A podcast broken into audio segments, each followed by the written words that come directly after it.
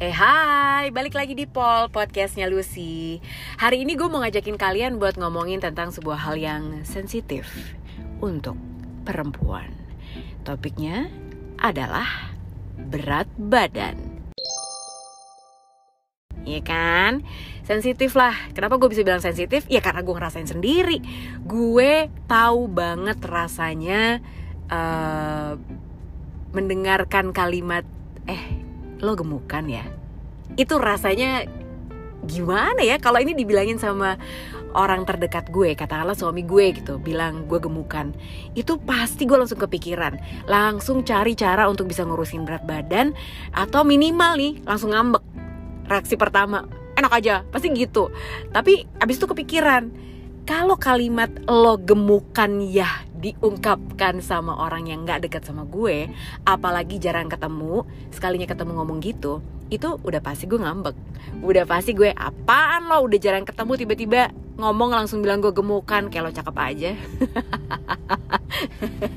Segalak itu iyalah. Soalnya emang sebel kan gitu. Gini-gini, eh, banyak banget perempuan yang nggak uh, mau mengakui bahwa isu berat badan ini adalah isu yang sensitif banget yang bisa bikin lo kepikiran. Come lah, ya kan?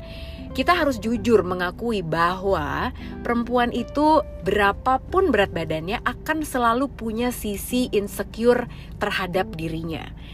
Misalnya nih ya, perempuan kalau berat badannya di atas rata-rata, uh, overweight lah bisa jadi gitu ya mereka pasti akan berusaha sekuat tenaga untuk bisa menurunkan berat badannya, ya kan? Segala macam cara pasti akan ditempuh. Perempuan yang berat badannya di bawah rata-rata alias kekurusan, dia juga nggak mau kekurusan. Jadi dia pasti pengen naikin berat badan supaya lebih kelihatan segar, lebih kelihatan voluptuous, seksi gimana gitu. Karena kan ada yang bilang katanya kalau curvy itu lebih seksi dong. Perempuan yang berat badannya normal yang rata-rata lah gitu. Kebanyakan perempuan tuh berarti segitu. Itu pasti ada aja sisi yang dia nggak suka tentang badannya. Entah dia bilang pahanya masih kegedean entah dia bilang badannya masih eh, nggak uh, kenceng perutnya masih gelambir tangannya masih gede. Ada-ada aja lah pokoknya. Jadi memang isu berat badan ini adalah isu klasik yang kadang kita nggak mau mengakui tapi it's always there. It's always um, haunting us. Jadi selalu menghantui kita banget. Nah, tapi kalau gue sih jujur aja gitu. Dan gue pernah mengalami punya berat badan yang overweight, underweight juga pernah dan rata-rata juga sekarang alhamdulillah gue dalam uh, kondisi berat badan yang rata-rata yang normalnya gue bikin podcast ini sebetulnya untuk menjawab pertanyaan banyak orang yang nulis di Twitter, di Instagram karena mungkin tahu gue udah lama dan mengikuti banget perjalanan perubahan bentuk badan gue dari gue belum nikah dulu, cungkring gitu ya, kurus, terus pas udah punya anak gede banget, berat badannya naik sampai akhirnya kurus lagi gitu. Ini mendadak kenapa nih tiba-tiba kok bisa badannya kayak gitu gitu kan. Dari kurus gendut kurus lagi. Uh, ini kenapa dan caranya gimana menurunkan berat badan? Nah makanya gue bikin podcast ini untuk menjawab pertanyaan kalian. Apa yang gue lakukan uh, sampai um, Mungkin momentum terbesarnya adalah dua tahun yang lalu. Di saat gue kehilangan berat badan 13 kilo. Itu yang bikin orang-orang penasaran. Apa yang gue lakukan sampai gue bisa turun berat badan sebanyak itu? Jadi gini uh, Pertama ya gue itu berat badan gue sebelum gue menikah adalah 55 Kemudian gue menikah karena seneng dong ketemu Mas Afid, ketemu suami aku, ketemu jodoh, naik berat badan. Pas udah mau nikah tuh jadi 56 lah naik sekilo. Terus eh, nggak lama kemudian, alhamdulillah kita berdua langsung dikaruniai uh, anak. Jadi gue langsung hamil tuh, nggak lama nikah langsung hamil. Uh, berat badan gue naik sampai 25 kg saja. Gila banget ya 25 kilo men. Dan itu kayaknya kesalahannya adalah ya anak pertama lah biasa Nora. Jadi semua dimakan, semua bernutrisi, semua uh, apa ya jor-joran banget lah gitu. Anak pertama pokoknya semua disikat gitu. Tapi ternyata ya itu konsekuensinya adalah uh, gue kebablasan jadi naik 25 kilo begitu anak gue lahir gue cuman kehilangan berat badan sekitar ya paling cuma 12 kilo 13 kilo lah gitu. Uh, jadi masih surplus dong ya berat badannya. Kemudian akhirnya gue tetap uh, stuck di berat 68 kilo sampai uh, 69 ya 68 69 tuh lama loh lama banget. Sekitar 6 tahunan tuh gue berat badan gue segitu kemudian gue hamil lagi anak kedua. Hamil lagi anak kedua berat badan gue naik lagi. Kali ini memang nggak sampai 25 kilo tapi naik berat badan sampai 20 kilo. Ya banyak juga nyet. Jadi uh, balik lagi tuh gue ke berat 70-an lebih lah 75-an gitu. Gue balik lagi. Kemudian uh, eh nggak 75 78 bahkan.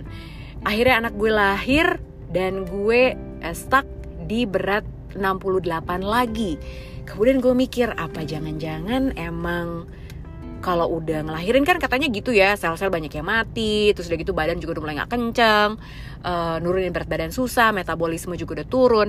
Jadi memang gue stuck di berat badan 68 kg itu cukup lama. Setelah anak gue selesai menyusui jadi dua-duanya uh, asi tuh sampai 2 tahun. Dan pas anak kedua ini sudah selesai ASI di usia 2 tahun, gue mulai memikirkan untuk menurunkan berat badan dengan serius. Jadi waktu itu uh, gue udah mulai diet tuh, segala macam diet gue cobain. Uh, diet pertama yang gue coba adalah mayo diet. Waktu itu lagi heboh, catering segala gue berapa juta bayarnya ya? 1,2 atau berapa lah lupa. Pokoknya mahal lah. Nggak enak lagi kan mayo diet tuh makanannya anyep anyep gimana gitu ya gue tertarik mencoba karena temen gue ada yang melakukan mayo diet dan itu berhasil. Dia berhasil menurunkan berat badan sampai katanya dalam 13 hari tuh turun 3 sampai 5 kilo. Pengen dong.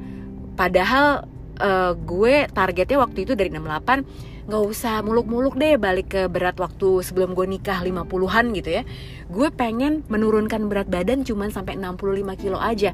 Makanya gue langsung mayo diet karena menurut gue itu cocok deh. Karena ya makan juga masih makan tiga kali sehari tapi ya anyep aja rasanya nggak enak. Tapi oke okay lah gitu. Tapi ternyata di gue tidak berhasil teman gue berhasil di gue nggak gue cuma turun sekilo. Ya elah udah bayar mahal cuma turun sekilo. Gagal dong. Terus gue coba lagi. Waktu itu teman gue ada yang merekomendasikan untuk melakukan uh, semacam diet jus atau detox jus lah. Pokoknya intinya gue minum jus doang tuh seharian nggak makan sama sekali. Dan itu dilakukan selama macam-macam paketnya ada yang tiga hari ada yang lima hari ada yang seminggu bahkan. Dan gue ngambil paket yang lima hari. Dan di hari kedua saya tepar. Karena emang biasanya suka makan. Kali ini gue cuma minum doang. Jadi dari pagi sampai malam tuh gue kerjanya minum jus aja. Uh, akhirnya kayaknya asam lambung gue naik. Gue sampai ke dokter akhirnya. Terus dokter udahlah makan aja. Lagian kamu pakai minum-minum jus doang. Nggak bisa lah dia bilang gitu. Nggak cocok buat gue. Akhirnya gue stop tapi masih cari juga cara-cara lain untuk bisa menurunkan berat badan. Gue nggak makan malam, gue lakukan. Terus diet apa? No carbs, gue lakukan. Tapi nggak berhasil. Sampai akhirnya gue berkeluh kesah nih sama suami gue. Gue bilang kan, kenapa gue nggak kurus-kurus ya? Padahal gue udah melakukan banyak sekali uh, metode diet, tapi kenapa nggak ada yang cocok? Sementara orang lain tuh kok success story-nya banyak banget ya Mayo? Diet bisa turun banyak banget gitu. Um, bisa ada yang 5 kilo lebih bahkan. Tapi kenapa gue nggak bisa? Terus pencerahan ini beneran datang dari suami gue sendiri. Jadi dia bilang kayaknya habit makan kamu deh nggak bener. Hah? Apa sih? Enggak. Cie biasa dong perempuan. Sensitif. Ngomongin berat badan dikoreksi dikit langsung gonggong. Itu gue banget. Terus masa sih? Emang kenapa ternyata setelah gue pikir-pikir bener juga suami gue ya. Jadi uh, dia bilang kamu kan seneng banget cake kamu seneng kopi dan kopinya pakai susu pakai gula. Uh, waktu itu juga zaman es kopi lagi baru-baru bermunculan tuh dan gue suka banget kopi dan gue seneng banget. Dikit-dikit gue foodin kopi beserta teman-temannya yaitu donat cake dan lain-lain. Jadi gue emang sweet tooth banget. Seneng banget segala sesuatu yang manis uh, coba deh kamu kurangin yang manis-manis karena itu kayaknya uh, bisa jadi salah satu yang paling memberikan kontribusi kamu nggak bisa turun berat badan adalah itu dia bilang. Akhirnya masa sih? Ya ya. Oke deh gue coba. Di saat bersamaan gue akan melakukan pengurangan terhadap gula tepung dan segala macam yang manis-manis gue juga udah mulai pilates tuh. Dan di situ instruktur gue juga bilang lo kenapa gerakan pilates jelek banget ya nggak maju-maju nih? Uh, berat badan lo berapa sekarang? 68 mbak. Turunin lah sampai 10 kilo. Wah lo ngimpi sih gue bilang gitu. Gue mau turun ke 65 aja nggak bisa apalagi ke 58 itu jelas nggak mungkin mbak karena gue udah mencoba berkali-kali. Ya lo atur dong yang bener. Terus gue cerita bahwa gue sedang berusaha mengurangi gula dan tepung. Uh, dia bilang makan lo sekalian dibenerin deh gitu. Uh, porsinya juga dijaga dan lo harus melakukan kardio setiap hari minimal 15 menit. Lu jalan aja pokoknya ngapain deh kardio 15 menit sehari setiap hari. Dan lo atur makan.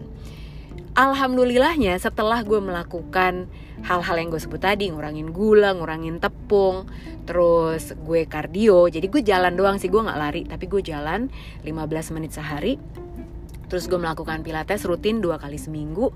Itu berat badan gue dalam waktu 3 sampai 4 bulan turun cepat banget sampai 13 kilo. Bahkan waktu itu kebablasan. Jadi dari target gue pengen turun ke 58 itu gue turun sampai ke 52 jadi kekurusan nah yang gue bilang tadi kan giliran overweight berat gue 68 sampai 70 itu gue pengen kurus giliran udah nyampe 52 gue merasa kekurusan. Ah ya kan? Akhirnya gue ah nggak nih ini gue kekurusan nih karena gue harus balik lagi ke berat normal gue tuh ya 5556 jadi gue makan lagi gue coba naikin berat badan lagi kan dengan uh, lebih terkontrol lah tapi kali ini gitu. Jadi gue nggak jorok-jorok banget makannya. Akhirnya ya udah itu caranya. Jadi intinya apa? Kalau menurut gue buat siapa pun yang lagi mendengarkan podcast gue yang pengen menurunkan berat badan dan tanya ke gue jangan-jangan gue emang mesti nurunin berat badan dengan cara lo juga ya lu pakai ngurangin gula, ngurangin tepung segala macam. Belum tentu berhasil loh. Karena itu adalah makanan yang gue suka. Karena ada temen gue yang mencoba cara yang sama nggak berhasil. Buat dia turunnya nggak signifikan. Karena apa? Karena dia pola makannya adalah dia lebih suka makanan yang asin-asin. Misalnya dia makan kerupuk nasinya banyak pakai sambal segala macam. Gorengan. Nah gue bilang sama dia kan lo sukanya bukan cake jadi nggak akan signifikan hasilnya kalau lo mengurangi tepung dan gula. Seperti gue yang memang senengnya tepung dan gula. Kalau lo sukanya nasi goreng-gorengan dan uh, apa namanya sambal dan segala macam yang gurih ya justru itu yang lo kurangin. Mungkin justru itu hasilnya akan signifikan jadi sebetulnya tidak ada satu metode diet pun yang cocok untuk semua orang. Semua pasti punya habit makan yang berbeda-beda. Semua pasti punya reaksi badan yang berbeda-beda juga. Jadi sebaiknya kalau lo pengen melakukan sebuah diet, lo kenali dulu satu pola makan lo kayak apa, apa yang paling lo suka, apa yang paling nggak bisa lo tahan itu yang lo stop. Itu tips yang pertama. Yang kedua adalah kalau lo mau melakukan diet, konsultasikan sama dokter gizi. Jadi jangan sembarangan. Dan yang ketiga, saat lo melakukan diet itu lakukan dengan hati yang senang karena diet itu tidak akan berhasil kalau lo tidak happy melakukannya. Jadi lo harus seneng dulu karena kalau lo terpaksa ya itu ya lo akan yoyo diet aja gitu ntar turun ntar naik lagi segala macam berat badannya jadi nggak akan um, nggak akan konsisten, nggak akan sustainable tuh turun berat badan yang sudah lo capai. Gue bisa ngomong gini karena gue sudah bertahan dengan berat badan 56 kg selama hampir 3 tahun. Jadi Uh, dan gue udah nggak diet loh jadi gue makan ya udah makan biasa gue udah mulai makan cake lagi tapi semuanya gue atur porsinya gue tetap bisa makan apa pun yang gue mau tapi tidak sebanyak yang gue mau porsi harus tetap diatur, olahraga juga harus tetap dijalankan dan harus rutin. Jadi intinya tahu diri aja begitu. Uh, mungkin satu pesan terakhir kali ya sebelum podcast ini gue akhiri. Perempuan itu uh, harus belajar untuk bisa menerima dirinya sendiri apa adanya.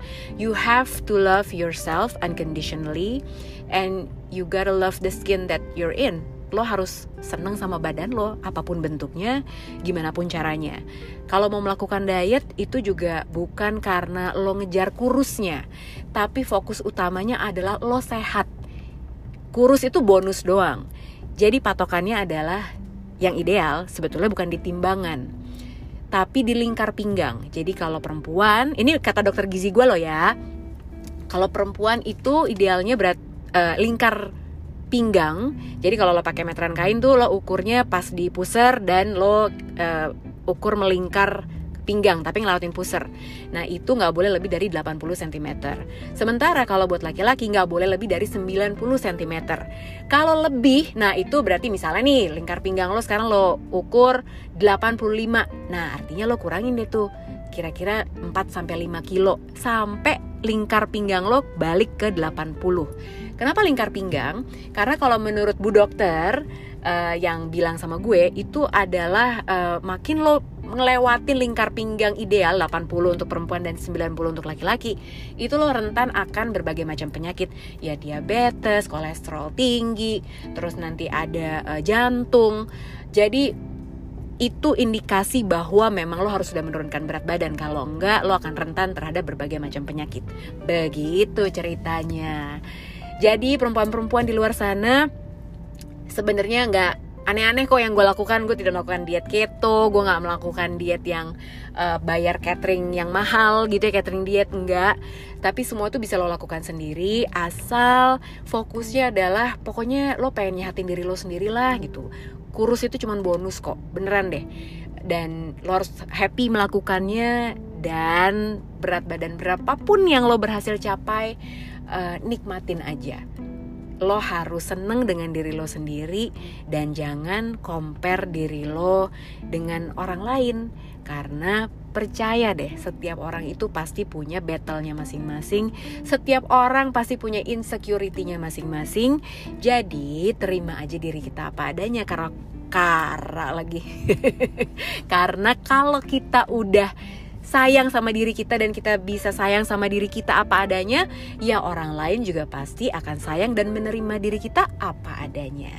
Segitu dulu ya. Mudah-mudahan ini bisa menginspirasi uh, bikin lo juga lebih sayang sama diri lo karena that's what matters the most. See you again when I see you. Dah.